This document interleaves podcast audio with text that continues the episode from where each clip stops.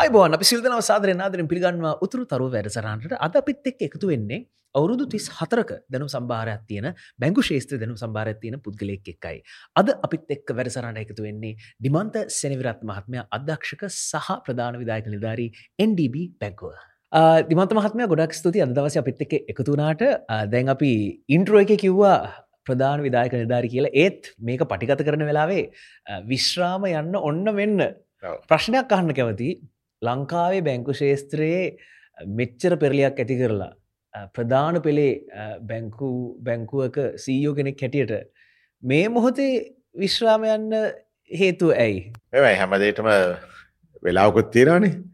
ඇතර පනස් සටයි වයස. මහිතන විශ්‍රාම යන විය යුතු වයසක් නෙමෙයි. මහිතුව ඉතිං අපි කැරියකේ උඩම වගේ පැ පීක එක ඉන්න වෙලාවක විශ්‍රාම ගැනීමත් එක අතකින් සුදුසී කියලා. නැත්තං ගොඩක් වයසර ගීලටං විශ්‍රාම ගන්නට වැඩිය. දැම ප්‍රශ්නයක් අහන් කැමති දැන් ඔබතුමා බැංකු පද්ධතියේ බෑංකින් ඇස කරිය නැත්තම් වෘතිමයක් වශයෙන් ගත්තොත් අවුරුදු තිස් හතරක් පටන්ගත්තේ මම දන්න විදිහට බොහොම ඇත්ද බේසික්ම ලෙවල් එකින් පටන් අරගෙන පBC බැංකුවේ CEO එඩබි බැංකුවේ CEO එතකොට අර පටන්ගද්දි තරුණයෙක් හැටියට බෑංකින් ඉන්ඩස්ටිකට එද්දී විෂණ එකත් තිබ්බද හිතුවද මම දවසක ප්‍රධාන විදායක නිලධාරියෙක් හැටියට තමයි මගේ බැංකින් කරිය එක පීක් එක වෙන්න කියලා? කොහෙත්ම නෑ පාට් එහෙම අංශුමාත්‍රයක්වත් එහෙම ද්‍රීම් එකක්වත් ම හිතන්න තිබ්බයි කියලා. ම ඇත්තරම බැංකු ශේෂ්ත්‍රයට ආවෙත් දෙවනාසේ කැමැත්වෙන්න පුළන් අපි යුනිවර්සිටි දිග්‍රියලක් මලින්ම කෙරුණේ. කොලෙජ් එකෙන් ඇංගලයිටන් මැත්ස් ඩික්‍රික ෆිසිකල් සයින්ස් ඩික්‍රිකක් යනිවර්සිටි ස්ටී ජාදම්පුර හැබ අපි කරපු කාලේ ඔයට සමහට මතක ඇති ගොඩක් ප්‍රශ් තිබ කාලයක් අසුවට අසු නමය කාලෙදී රටේ විශුද්ධාල පද්ධතියම වහලදාපු අවදියක තමයි මට ෆයිනල්ලිය ලියන්න තිබ්බේ. අවුරුදු තුනක ඩිග්‍රි එකක්. ඩිග්‍රිය කල්ලා එලියටාවනම් මහිතන මම අවුඩබින්ද යංගස්ට අන්ඩ ග්‍රජුවේට ඇත් ටයිම් නමුත් අවුරුදු තව දෙකකින් දිග්ග ඇහුණා මේ තිබ්බ ප්‍රශ්න නිසා ව්‍යාකලු ව්‍යාකූල දේශපාලනය තත්ත්වය නිසා ඉනිවර්සිටස් වහලා තිබ්බා. ඒ අතර කාලය තමයි මම ඒ කාලෙදී ඉනිවර්සිටි වහලා තිබ්බ කාලෙදි මම කාලය අපතේ ඇරිය නෑ. ඒකාල නශනල් ඉන්ස්ට බිස්නස් මනජ්මන්් එකේ ඩිපලොමයින් කම්පිට සිස්ටන් ඩිසයින් ටය ෆුල් ටයිම් කෝස එකක් කරා. ඒ හිතන්න යනිවසිට වහල ති බවරු දෙකේම ෆුල් ටයිම් ටය කෝස එකක් කරා. ඉතිං ඒකත් ඉවරල හිටන් යනිවර්සිටිය එක ෆයිනල් එක්සෑම් ලියන්න විතරයි තිබ්බේ. ඉති ඒ කාලෙදි ඒ අතරේ තමයි මට රැකයා වක් සඳහා යන්න නැතර නිතරමයි කොලිෆිකේෂන් සමග යන්ට අවශ්‍යාව සිබුණා ඉතිං ඔප්ෂන්ස් කීපයක් තිබ්බා. එකක් තමයි අයිට ෆිල් එකේ පෝග්‍රමිං රැකියාවක් වලට යන එක. අනිත් එක කැඳීමක් ලැබුණා සම්පත් බැංකව මා තෝරා ගත්තා සම්පත් බැංකොට යනවයි කියලට. ඇතර මම ගිය ගමම්ම යුනිවර්සිටි සයි අරිනවා. එනිසා සම්පත් බැංකයට ජොයින ලයිටන් සතියක් යන්න ඉස්සල්ල මට අයි නිමාඩු ඉල්ලන්න අවශ්‍ය වුණා. කැම්පස් කැම්පස් එක එක්සෑම් ටික ලියලන්න සුමාන දෙකක් විතර එක්සෑම් ලියන්න. මානව සමූහ නිල්ධාරි තුමායි කාලේ එයා ගවට යන්න ඕනුනා මොකද මේ බැංකුවට ජොයින්ඩ ලයිටම් පලනි සතියම නිමාඩු ඉල්ලගෙන එනවා තරුණයෙක්. එයා මිස් ප්‍රියන්ත සීරසිංහලයා මට තාමක්ෂි මතකයි මේ කියනවා පුතා දෝසු burn the midlight candle do well in their careers as well. Very good of your choice we will allow you paid leave go and do your exam and come ඒකන ආයතනයට බැඳිල සතියක් ඇතුළත ඒ චාන්සක හම්බුණා. චාන්සක හම්බුණා. ඒ ගත්ත මහත්මය දනා හිටිය මේ ඩිග්‍රියගේ වැදගත්කමත්. තව දෙයක් තමයි පඩ්ඩ මම ජොයින්නුනාම ද මාත්‍යක සමකාලන අපි බැච්චයක් හැටියට සම්පත් බැංකොට ජොයින් වනේ සමකාලිනයෝ අක්කොම ඒලෙවල් කල්ලා ආබය ස්කුල්ලිවස් සූලීවස් මට ඒක ලොකොට ඔළුවට ගත්තේ නෑ මම මේ මම කැම්පස් එකකින් අවුට් කෙනෙක් තව මේ එන්ට්‍රි ලෙවල් එකේ ස්කූල් ලීවර්ස්ලත් සමග එකම තලයේ එකම ජොබ් එකකට මේ ඇවිල්ලා ඉන්නේ කියලා. දැන් ඒක ගොඩක් අයට මම හිතන්නේ දැන් තරුණ පරම්පරාවත් මම හිතන්නේ ඒ කාලෙත් ඔතන ගැටලුවක් තියෙන තත්ත්වයක්. නමුත් මම ඒ අවස්ථාවේදී ඒක ඔළුවට ගත්තේ නෑ. දැන් ඒක ගත්තා නම් ඔළුවට මම හිතන්නේ මම අද මේ අවස්ථාවේ ඉන්නෙත් නෑ. මේ තැනට එන්නෙත් නෑ. ඉතින් ඒකත් හියුමිලිටි කියලා අපි කියන්නේ. අපි අපේ එනිහතමානී නිහතමානී භාවය. තියාගන්න ඕනේ. මම හිතන්නේ ඒක මම මුලදිම මුල ඉඳලම තාමත් ඒක තියාගන්න දෙයක්. ඉතින් ඒ වගේ තමයි මුලින්ම සම්පත් බෑන්කයට ජොයින් වුණේ ඉවද මෙහම ප්‍රශ්නයක් අහනන් දැන් ගොඩක් අපි ලංකාවේ ගත්තොත් ගලෝබලි ගත්තොත් ලංකාව අපි ඉන්න අපිට මේ වැඩිපුර දැන ඇති. මොකර ඉකනමික් ඩවන්ටර්නයක් හැත්නක් නත්තන් හරි මොකර අමාරු අවස්ථාවක් එද්දී එක පාටනි ෆ්‍රස්ට්‍රේෂන් එකක්. එතමයි මේක මොකක්කත් තීරමක් නෑ. මේකින් ගොඩ යන්න කොහොමද කියලා අපේ මනස ඩවන් වෙන අවස්ථාවකදී. මම ප්‍රශ්නයහන් හේතුව යනිවර්සිටිස් කලෝස් කරාම අසුවට අසු නමේ වටත් එක ෆිල්වෙන් නැති. එතකොට අර වටේ පිටේ බල්ල මට මොකද තින ඔප්ෂන්ස් කියල හිතන මානසිකත්වයට යන්න කොහොමද? ස්විච්චක ගන්න කොහොමද? සහ තමාගෙම තියෙන මේ බ්ලොක්ස්ටිකෙන් ඔබ්බට බලන්න කොහොමද? ඕල ඒක හරිම ගැටලුකාර අවස්ථාවක්. අපි දන්න අපේ අනාගතය කොයි වගේ තීරණය වෙයිද? කොටින්ම අනාගතයක් තියෙයිද කියලට. මොකද ඒ කාලේ විශේෂම ගත්තොත් හෙම සෑහෙන පීඩාකාරී අවස්ථාවක්. මොකද්ද කරන්න කියන එක ගැන ගොඩාක් ගැටලුකාරී තත්ත්වයක් තියෙනවා. නමුත් ඒ අතරම මුදල් වල අවශ්‍යතාවයත් අදින්ම තියෙනවා. අපේ දෙමව්පියන්ට හැමදාම අපිව සපෝට් කරන්නත් බෑ. අවුරුදු 23 24ක තත්යකට ඇවිල්ලා. මොකද අවුරුදු 4ක් යුනිවර්සිටි ජීවිතය ගත කරයි කියන්න අර අපේ කාලි වචන කට්ට කාලා එන්න එතකොට අවුරුදු ඒ වයසත් එක් කෙනකොට ඇත්තටම මේ මුදල් අවශ්‍යතාවයක් වැඩි නමුත් එතන ඒක පීඩාකාරී අවස්ථාවක්. නමුත් ඒතන්දි තමයි අපි එනදේ අපි තෝරතෝරන්නත් බෑ. ලැබෙන දේ ගන්න ඕනේ. ඒක දැන්වෙන්න අයට උනත් ලැබෙන දේ අරගෙන මාසකිප ට්‍රයි කල බන්න සමහට එක අලුත් ෆිල්ඩයක් වන්න පුලා එක ඉන්ට්‍රස්ටිං ෆිල්ඩයක් වෙන්න පුළා ඒ නිසා මම හිතන්න ඒක අවස්ථාවෙන් ප්‍රෝජන ගන්න. මොකද සිස්ටිනයන්න ඩෙස්පරේට් සිටුවේෂන් අපිට අපි චූස් කරන්න ගියොත්හෙම නොන මයි මයි කොලිෆිකේෂන් සයින් දිස්සයිඩ් මම එනිසා මේ පැත් යනවා කියලටන් ඒක ඊටඩිය ලැබෙන දේ ගන්න එක හොඳයි කියලා ම හිතන්නේ. එ ලැබෙන දේ ගන්නවා කියල හිතතිම ප්‍රශ්නයක් අහන්න කැමති. මොකද අපි ගත්තොත් NDB බෑංක් ප්‍රධාන විදාගන දර වෙන කලින් ඩිමන්ත රෙස්පොන්සිබල් වෙලා හිටිය PABC කියන බෑංකි සි හැටියට කන්වර්ෂණ එකක් ඇති කළ PABC අමිසි ලෙවල්ල කරන්න එතුර ඒකත් පීක්ක ඇති ඇති තමයි එන්ඩබියාව PABC එන කලින් HSBC බැංකු පද්ධති ඇතුළෙත් ගොඩාක් දේවල් කරලා එතනත් තරුවක් වගේ හිටියා. එතකොට මේ මූවෙන්න ඩිසයිඩ් කරන්නේ කොහොම දර දෙනදේ මේක මට දුරක් හැටියට ඇරෙනවා. නැත්තම් මෙතන ඉන්න එක හොඳයි. ඒ ඩිසිෂන් එක් ගන්නකම මේ ප්‍රශ්නයහන්න හේතුව ලංකාව ගොඩක් කට වැඩකරද ඇතන හිතර මට ප්‍රමෝෂණ එකක් නෑනේ මට චාන්ස එකක් නෑන ඔප්ෂණ එකක් නෑනේ හරියක එනකං ඉන්නවා. සෝ ඒ ඩිසිෂන් එක් ගන්න කොහොමද? ඕ එතන්දී තමයි අපිට මහිතනවා අපි යන තෝරා දැව එක පලෙන් දැ ඉස්සලමං දුන්න උත්තරය අපි මොන ශේෂ්ඨයටද යන්නේ කියලටන් තීරණයක් ගන්න දැන් ඒකයි වගේ මුල් මුල් ප්‍රශ්නේදී මම පිළිතුරක් දුන්නේ අපි සමහරවිට අපි ශේෂ්ත්‍රය මොකද්ද කියලා දන්නේ නැතුව දෙගිඩියාවක් ඉන්නවා. ඒකයි ඒ නිසා තමයි මම කිව්වේ ලැබෙන දෙයක් ගන්න කියලා ඒ එන ශේෂ්ත්‍රය කොයිද කොයි එකද කියලා මුලින් අපි දන්නේ නැති නිසා. මොකද ස්පෙෂලි බේසික් ඩිග්‍රී එකක් කරපු කෙනෙකුට ඔප්ෂන්ස් තියෙනවා ගොඩක් යන්න. මොකද අපි ස්පෙෂලයිස් කරලා නැහැ. ඒ කාලේ දැන් ඉන්න දරුවන් වගේ නෙමෙයි. දැන් අයට ගොඩක් තියෙනවා ස්පෙෂලයිස් ඒරියාස් යන්න. නමුත් අපේ කාලේ අපිට ස්පෙෂලයිස් ඒරියාස් කියලා තිබ්බේ බොහොම සීමිත ප්‍රමාණයක්. ඉතින් එතකොට අපි ජෙනරල් ඩිග්‍රී එකකින් යනකොට කොයි කොයි සමහරව ටීචිං වලට යනවා සමහරව ඇග්‍රිකල්චර් ෆීල්ඩ් එකට යනවා. එක එක තියෙනවා. Of the physical field but දැන් ඒ අවස්ථාවේ තමයි මම කිව්වේ ලැබෙන දේ ගන්න එක. නමුත් ඒ ගත්තට පස්සේ අපේ ශේෂ්ත්‍රය හරි කියලා තේරුම් ගත්තට පස්සේ අපිට තියෙන්න ඕනේ මධ්‍ය කාලීන ඒ වගේම දිගු කාලීන වගේ ඒම්ස් ටිකක්. ඒ කැරිය එකේ කොයිදරද යන්නේ කියලා. දැන් උදාහරණයක් හැටියට මම සම්පත් බැංක් එකේ ඇත්තටම ඒ අතින් මම මම හිතනවා දෛවයට ස්තුතිවන්ත වෙනවා බැංකින් ෆීල්ඩ් එකට මාව මුලින් ලැබිච්ච එක ගැන. නමුත් සමහරට මම වෙන ෆීල්ඩ් IT ෆීල්ඩ් එකේ ගියා නම් සමහරට මම IT ෆීල්ඩ් එකේ උඩටම යන්න තිය පුළුවන්. මොකද එතන්දි තමයි ඇපලිකේෂන් එක. කොච්චර දුරකට අපි අපේ දැනුම සහ ඇප්ලයි කරනවාද කියන එක වැදගත්වෙන් එතන බැංකු ශේෂත්‍රය තියෙන Sri Lanka bank institute bankers qualification මට ඕනුනා මේක ඉක්මනටම ඉවර කරන්න.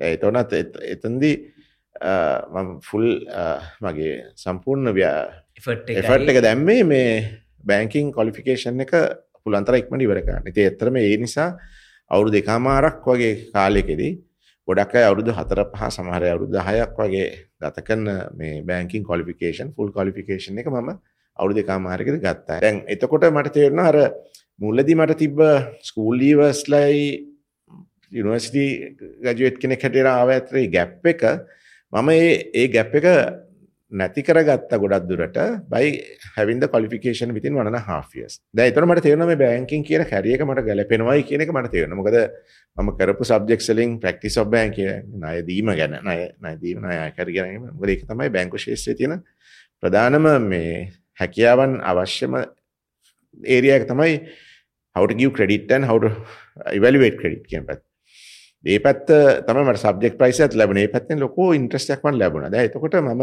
මුලින්ම ගියේ මට ලැබන ෆයිනන්ස් ඩිපාර්ට්මන්ට් එක. ගිනුම් අංශය සමයි සම්පත්තය රැකියාව කරන්න. ඒ කාලෙ මම ගිනුම් ගැන මොනවත් හදාරල නෑ කැම්පස් වහල තිබ කාලේ චාටඩ් ඉන්ස්ටිට් එක ෆස් ලයිසන්සියට් දක්වා පොඩි දැනීමක් තිබ්බා.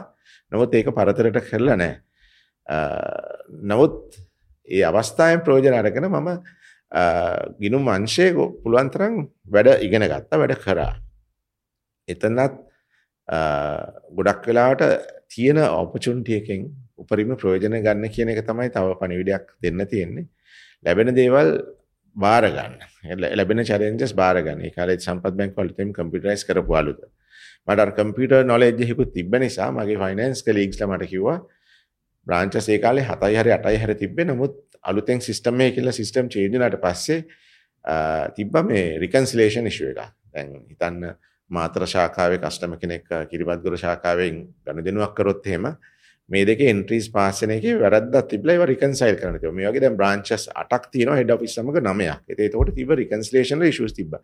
එතකොට අර මගේ ගණිත සම්බන්ධ දැන් මම ඩිග්‍රී කරේ මැත් සම්බන්ධව මගේ ඇනලිටිකල් නොලේජ් එක ඒ සහ අයිට නොලේච්චික ඔය ඔක්කොම කම්බයින් කරලා නමුත් හිටිය මම ගිනුම් වංශය නමුත් ඒ සියලු දේ සංකල්නය කරලා හිටන් ඒක ඉක්මට මිර රිකන්සිලේෂන් එක කරගන්නට අවස්ථා ලැබුණා. එතැන්දී සම්පත් බැංකුව දැක්ක හා මේ මේක මෙයාට තියෙනවන දෙයක් දෙමක් කරන්න පුළුවන් කියලා එයයි තව වැඩි වගකීම් ලබා දුන්නා. එතෙන්දී එතනදිත් කියන්න තියෙන්නේ තියෙන අවස්ථාවෙන් ප්‍රයෝජන අරගෙන පුළුවන් තරම් එෆර්ට් එකක් දාන්න කියලා. ඊට පස්සේ මම ඉල්ලුවා ස්ථාන මාරුවක් කෝපෙට් බැංකින් අවුරුදු දෙකකට පස්සේ මට ලැබුණ කෝපරේට් බැංකින් යන්න. එතනදී ගොඩක් දේවල් මම ඉගෙන ගත්තා. ක්‍රෙඩිට් සයිඩ් එකේ ණය දීම කස්ටමර්ස්ලා කොහොමද මැනේජ් කරන්නේ කියන සයිඩ් එකේ ගොඩාක් අත්දැකීම් ගොඩක් ලැබුණා. ඒ අවස්ථාවෙත් මම හිතන්නේ එතනත් අවස්ථාව ලැබුණම ඒක ගන්න කියන එකට තව උදාහරණයක් තමයි මගේ මම එතකොට සහකාර ගිනුම් කළමනාකරුවෙක් කෙනෙක් හැටියට මයිල මාස 6යි මගේ ඉමිඩියට් සුපයිසය අසනීප වුණා.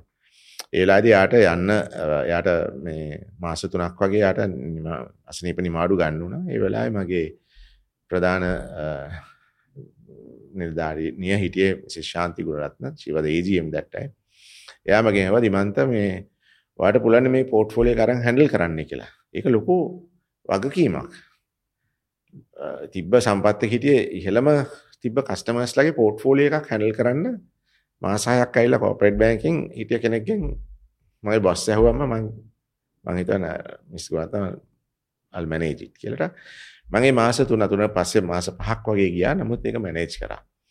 එතෙන්දි මට විශාල අත්දැකීම් සමූහයක් ආවා. මේ එක එක කස්ටමර්ස්ටත් එක්ක කොහොමද ගනුදෙනු කරන්නේ? ඒ අයගේ රිකෑම හේතු බෝඩ් පේපර්ස් හදන්නේ කොහොමද? ගොඩාක් දේවල් එතෙන්දි ආවා. අපේ දැනුමයි අපේ හැකියාවයි එක්ක උඩට යන්න සීමා මායිම් තියෙනවා. ඒ පාර මම ඒ වෙලාවෙදි හිතාගත්තා නෑ මම දැන් ගොඩක් ඉන්ටර්නැෂනල් බැංකින් එක්ස්පීරියන්ස් එකකට ගන්න ඕනේ. ඒ කාලේ ගොඩක් තිබ්බා මේ ඕවර්සීස් මිඩල් ඊස්ටර්න් බැංක්ස් වලට ස්ටාෆ් එක ඇප්ලයි කරන මේ දැනුත් යනවා වගේ ඒ කාලෙත් තිබ්බා ඔපචුනිටිස් ක්‍රියේට් වෙනවා ශ්‍රී ලංකන් බැංකර්ස්ලට. ඒකට යන්න ඕන නමුත් ඒකට යන්න නම් පොඩ ඉන්ටර්නේෂනල් බැංක් එක්ස්පීරියන්ස් එකක් තිබ්බනම් හොඳයි කියන මේක තිබ්බ ඒ කාලේ ලංකා තිබ ඕවර්සීස් ට්‍රස් බැංක් බ්‍රාංච් එකක් Lanka Colombo Hong Kong base branch bank එකක්.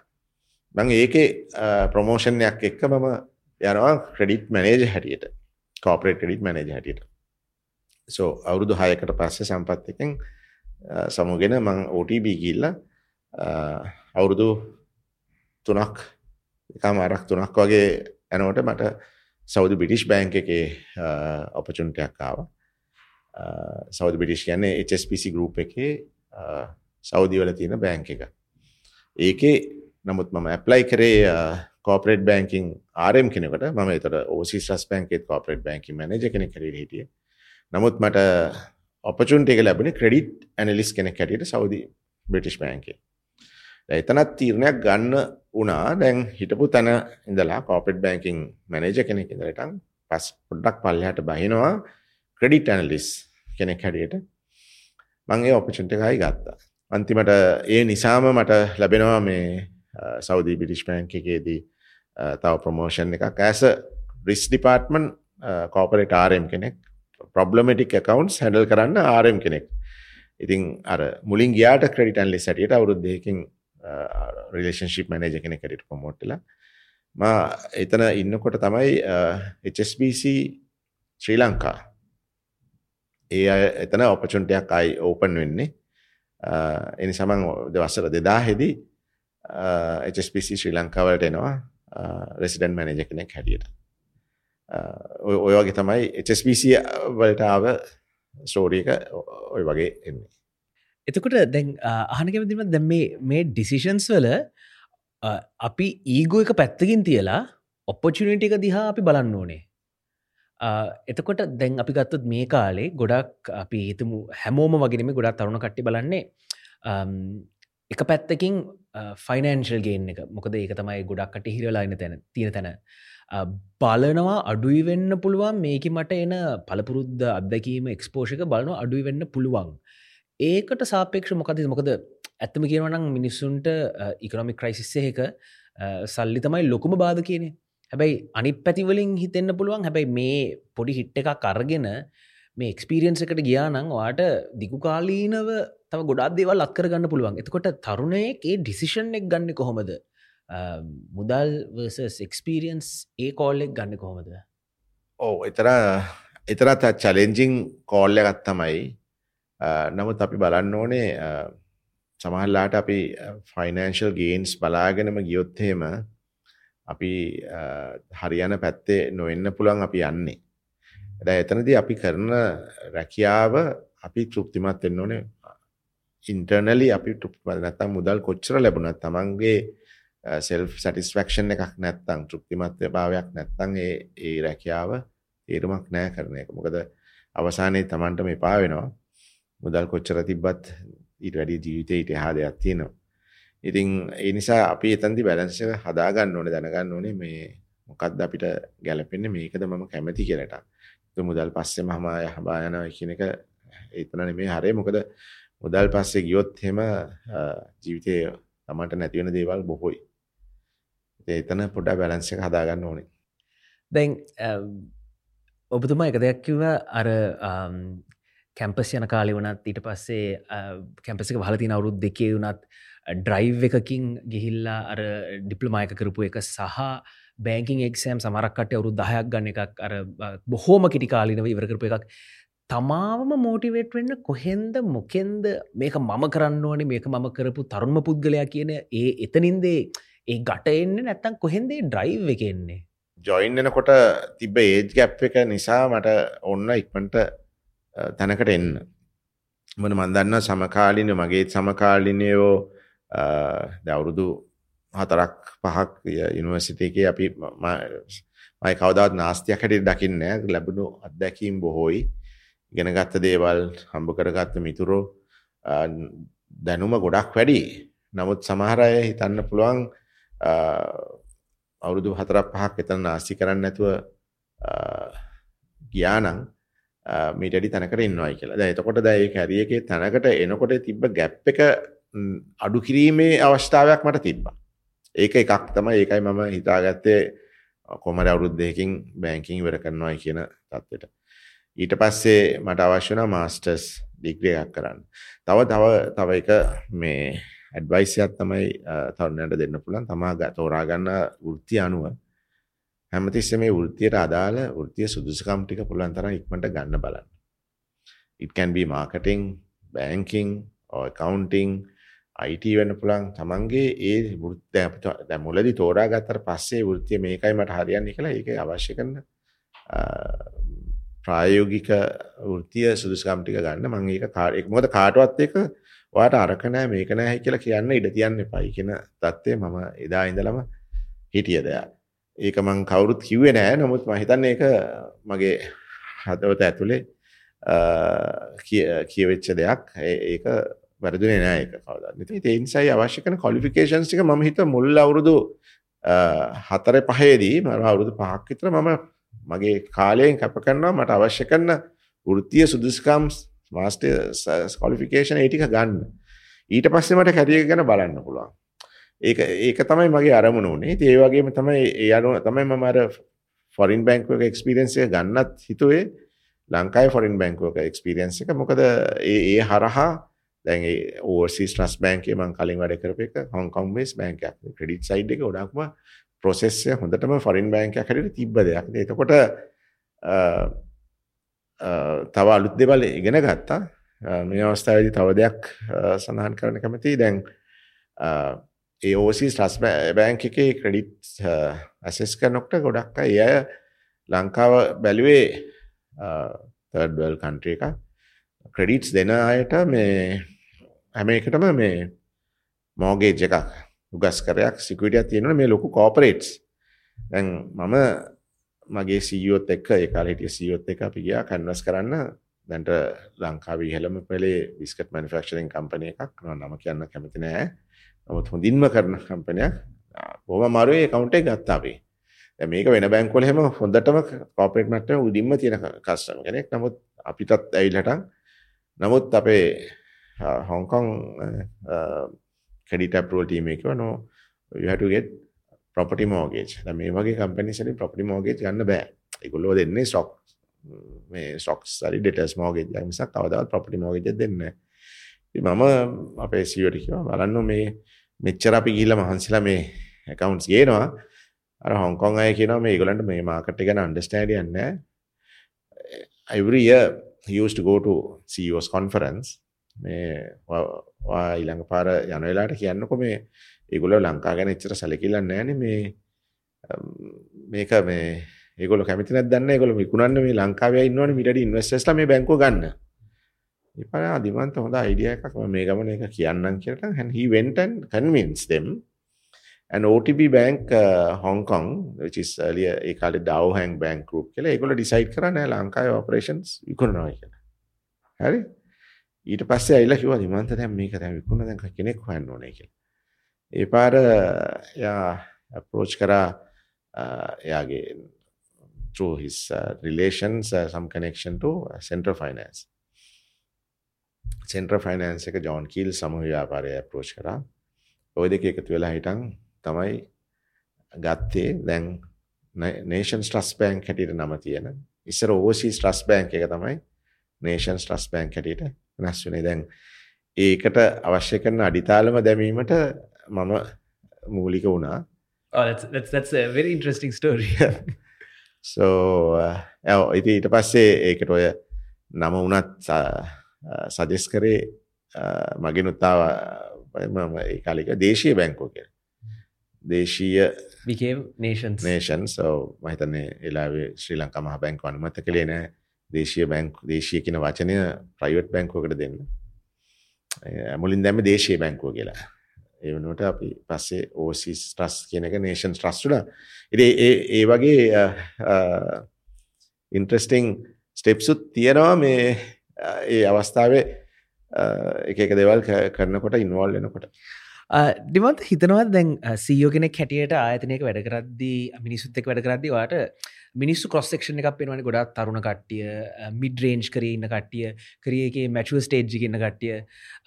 දැකල තිනවද හිතනවාද? තරුණ කට්ටිය රැපි ඩිටර්න එකක් ක්වික් රිටර්න එකක් ක්වික් ටර්න් රවන්ඩ බලාපොරොත්තු වෙන හෙම හම්බු නැත්තං මේ තියෙන හොඳ චාන්සකක් දාලා යන ගතියක්වාට හිතනවද? ජොබ් ජොබ් හොපින් වගේ මක්කරකින් තියෙනවා. ඇතර මටත් තොන්න තුල පුතාල තුන් දෙනෙකින්නවා පුතා අවුරුදු විසි නමයයි දුවල දෙන්න විසි පහයි ඒ ඇත් ඔය ඔය ජෙනරේෂන් එකට වැටෙන කාණ්ඩයක්. අපි නිතරම නිසා ගොඩක් සුවද සාකච්ඡාවල් තියෙනවා. ඒ ඒ සියලු මහිතන ඒක සී ජෙනරේෂන් එක හැටියක් ඉක්මන්ට රිසල්ස් බලාපොරොත්තිනවා ඒ වගේම ඒගොලෝ ඒ රිසල්ස් නැත්තං තමන්ගෙන් තමන්ට තමන්ගේ ආත්ම තෘප්තියක්ේ ජොබ් එක නැත්තං හෙම ගොල්ලෝ ටක්ගල ඉක්මන්ටම එතනි මාරු කරන තත්වට එල්ලතින නමුත් අපේ කාලෙදී ගොඩක් අපි හිතුවේ ලයිෆ්ටයිම් එම්පලොයිමන්ට් කාලයක් සීව එකක් වුණත් බැලුවම තැනින් තැන හික්මට ඉක්මට ගිය කෙනෙක සීව එකක් අප එච්චර සැලකිල්ලෙන් බැලිුණ ඒ කාලේ. නමුත් දැන් අපි එහෙම සීව එකක් අපි දහස් ගණන් තරුණ අය වුණත් අපි හය කරලා තියෙනවා ඉන්ටර්විව් කරලා තියෙනවා. නමුත් හැමතිස්සම ඒ වගේ එහෙම කෝණෙන් දැන් බලන්න බෑ. මොකද ඒ ඒක ජෙනරේෂන් එකේ තියෙන වෙනසක්. එයා ඉක්මනට රිසල්ට්ස් බල එක්ස්පෙක්ට් කරනවා. හැබැයි ඉතින් ඒක එක පැත්තක හොඳක් තියෙනවා.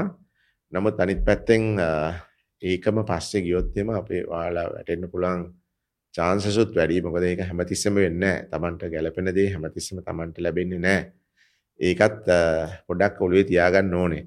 අපි සැහනුල කතා කරල තියෙනවා මම අවසාන් ප්‍රශ්නයට මේද අහන්න කැමති. අපි බැලුවොත් අපි ඉංගලිෂන් කියනවා කලෆුල් කරිය එකක්.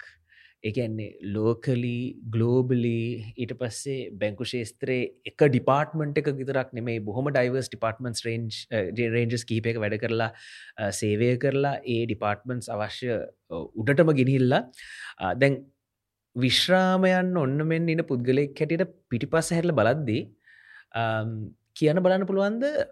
තමා ඉගෙන ගත්ත හොඳම පාඩමන මොකක්ද වටවස්ත බෙස් ලෙසන් යලන්ට් ඉන්දිස් කරිය තමාගේ මේ ෘතිම ජීවිත හැල බලද්දි මේ තමයි මගේ හොඳම පාඩම. දිස්වස ගුඩ් ලෙසන් මොකක්දේ ලොකුම පාඩම කියලා මම දකින්නේ ඔය අත්දැකීම් ගැනීම.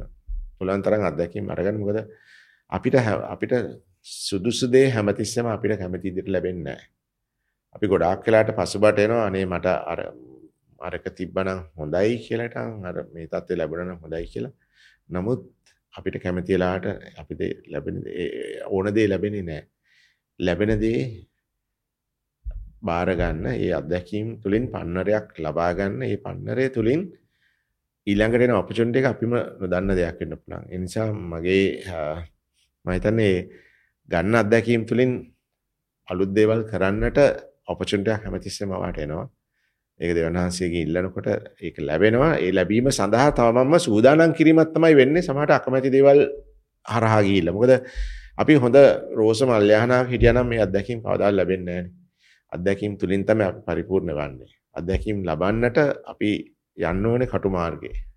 කටුමාර්ගයේ කටුරුකුළු මැදින් යනකොට වෙච්ච හැලහැප්පීම් වැටීම් හිත් වේදනා ඒ සියල්ල සමග ගත්ත පරිපූර්ණ මිනිස්සෙක් තමයි අවසානයේදී දෙවන් වහන්සේටත් අවශ්‍ය තමන්ගේ දේවල් කරගැනීමට මොකද අපිට ඉන්න ලොකු ජනකායක් එය ඒ උන්වහන්සේ කරා ගෙන යන්න. ඒ ඒ කරේ ඒ ගෙන යාම සඳහා අවශ්‍ය කරන මාර්ගය හදන්නම් අපි ගොඩක් කම්කටොළු තුරින් යන්න ඕනේ.